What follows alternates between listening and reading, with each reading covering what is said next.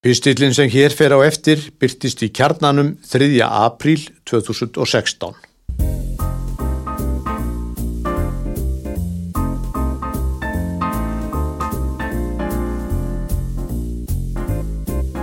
Að breyta svínakótilettu í nautasteik. Þegar pislaskrifari var að alast upp var töframadurinn og búktalarinn Baldur Georgs á samt dúkkunni konna vinsæl skemmtikraftur. Baldur töfraði kaninur úr hatti og síndi imsa galdra svo áhörfandur stóðu á öndinni.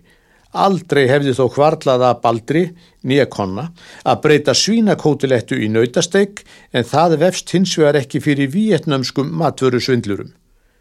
Nokkur að mánada aðgerð allsjóða lauruglunar Interpol og Evrópu lauruglunar Europol gegn svindli með matvæli laug í mars 2015.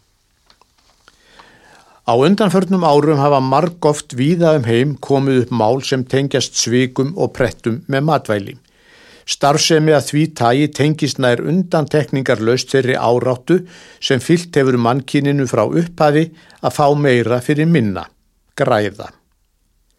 Síðastliðin áratug hafa flest slík máli í Evrópu með einum eða öðrum hætti tengst nautum og hrossum Í flestum eða öllum tilvikum hefur verið um það að ræða að hross hefur breyst í naut, gamal dráttarklár orðin að úrvalstutta. Íðulega hefur þetta gerst á leiðinni gegnum hakkavélar kjötvinnslu fyrirtækja. Skýringin á því að hross verður oftast að nauti en ekki öfugt liggur í því að nautakjöt er eftirsótt vara andstætt því sem gildir um hrossakjött. Þar af leiðandir verðið á nautakjötunu herra, auk þess sem erfitt getur reynst að selja hrossakjött því að í flestum Evrópulöndum er ekki hefð fyrir neyslu þess. Í februar 2013 var greint frá því í fjölmiðlum víða um lönd að matvæla framlegandin Findus hefði orðið uppvísa því að nota hrossakjöti í ymsa tilbúna rétti og hamborgara í stað nautakjöts eins og stóð á umbúðunum. Mart aðtiklisvert kom í ljós við rannsók þessa máls og leiðir hrossakjötsins á leiðinni í neytendapakningar fyndus, bæði langar og flóknar. Milli liðirni reyndust margir og mjög flókið að komast að uppruna kjötsins. Hvaðan gat allt þetta hrossakjött komið var spurt.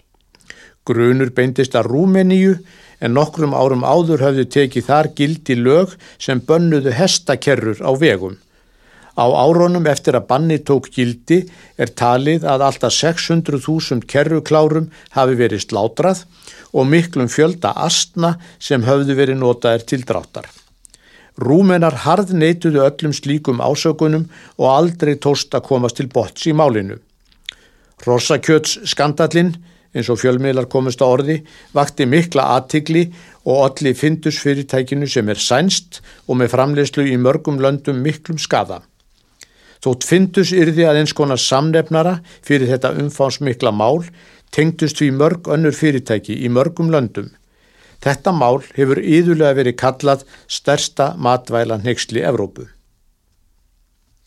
Árið 2015, tveimur árum eftir að fyndusmálið komst upp, voru 26 manns handteknir sem taldir voru tengjast umfánsmiklu smigli og svindli með hrossakjött.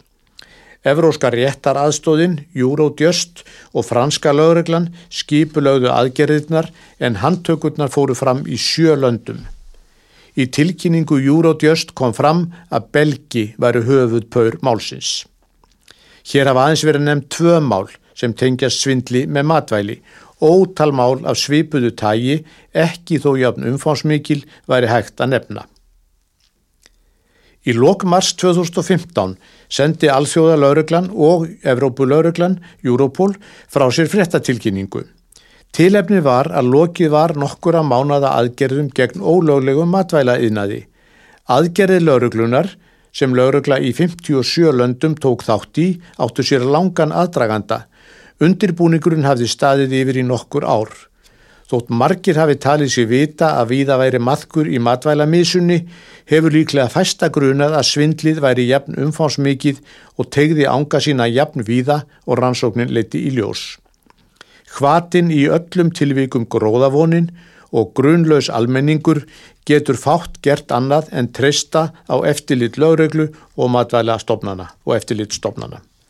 Þessi ólöglega starfsemi veldir árlega þúsundum miljarda og hækkandi matarverð víða um heim kindir enn frekar undir gróðavonina.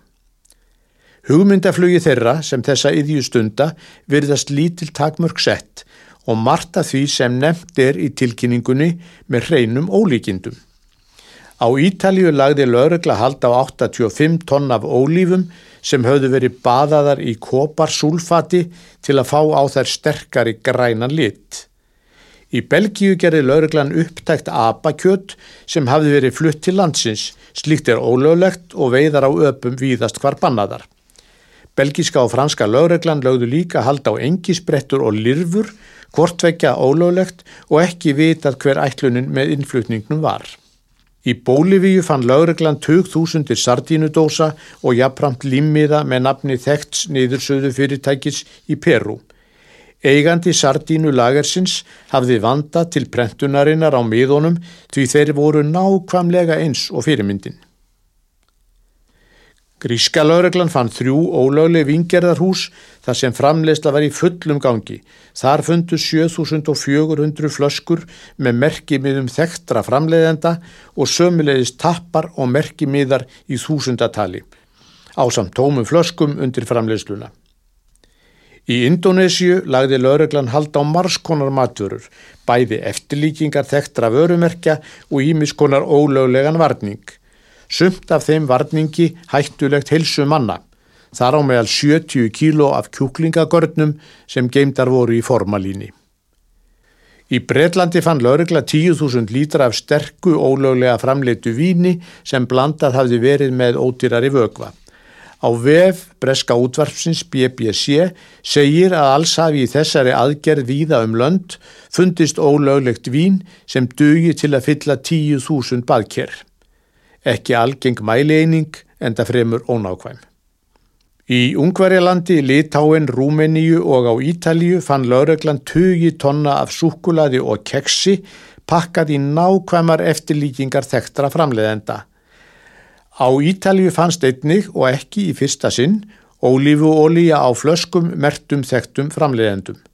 Fyrir þremur árum kom upp hlýðstætt mál.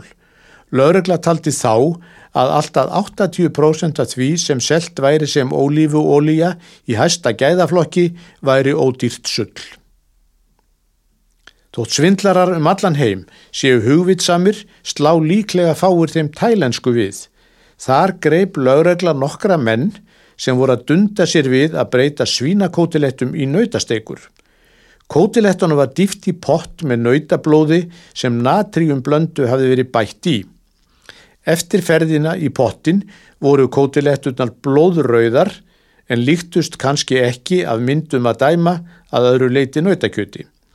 Af því hvernig þessa lit breyttu svínakótilettur smökkuðust fer ekki sögum. Tælenska laurglan gerði auk þess upptæka 20 tonna af nautakjöti sem talið var óhæft til manneldis en var eigi að síður á leið í verslanir. Í Danmörku fann matvæla eftirlitið 81 tonn af sírópi sem eftir lagfæringar, innan gesalappa, er selt sem hunang. Eitt stærsta fyrirtækið á þessu sviði í Danmörku er nú til sérstakrar skoðunar þar sem ætlunin er að komast að hvort breytingin úr sírópi í hunang hefur farið fram í Danmörku eða Kína en þaðan kemur stór hluti þess hunangs sem selt er í dönskum verslunum.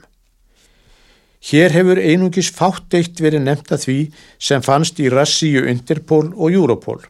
Einn af yfirmönnum Europol sagði í viðtali að þótt mörgum blöskræði eflaust að mikla umfang sem geti væri um í tilkynningu Interpol og Europol væri það því miður aðeins toppurinn á Ísjaganum.